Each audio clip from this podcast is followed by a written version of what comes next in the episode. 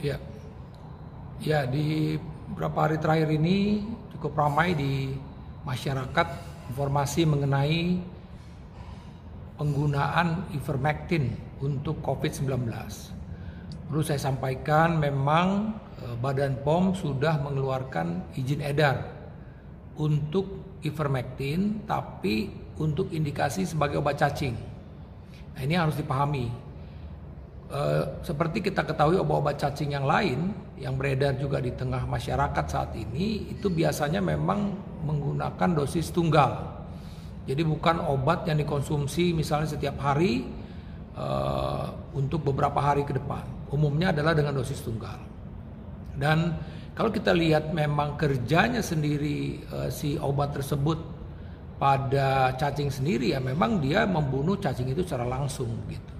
Jadi artinya dia bekerja secara lokal ya karena kita tahu kan cacing ini ada di saluran pencernaan.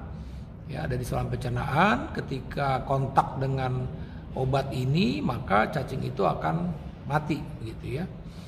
Nah, ini pun juga digunakan untuk berbagai macam parasit-parasit yang lain. Tapi sekali lagi itu bekerjanya adalah dosis tunggal.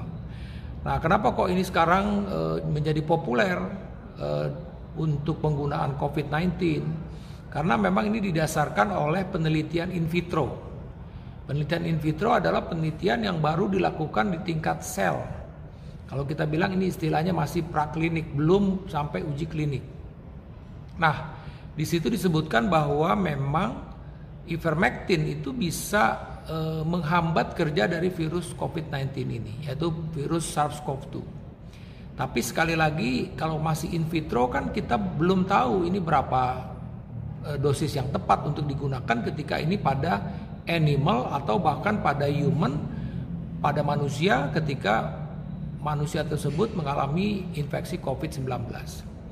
Jadi sekali lagi saya rasa ini penting harus diketahui oleh masyarakat bahwa ini adalah sejatinya saat ini masih kita sebut sebagai obat untuk uh, obat sebagai obat cacing.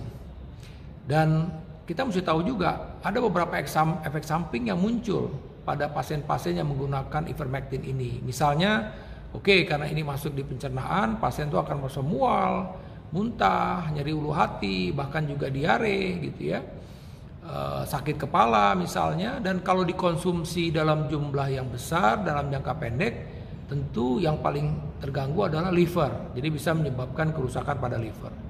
Jadi sekali lagi mungkin pada kesempatan ini saya menghimbau kepada masyarakat untuk jangan terburu-buru untuk membeli obat ini apabila tujuannya adalah untuk pencegahan atau bahkan untuk mengobati COVID-19 tersebut begitu ya. Tapi kalau e, masyarakat ingin mengkonsumsi ini untuk sebagai obat cacing ya silakan tidak ada masalah tentunya.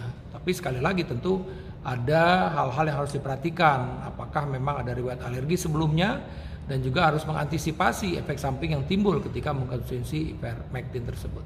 Demikian informasi dari saya, mudah-mudahan bermanfaat.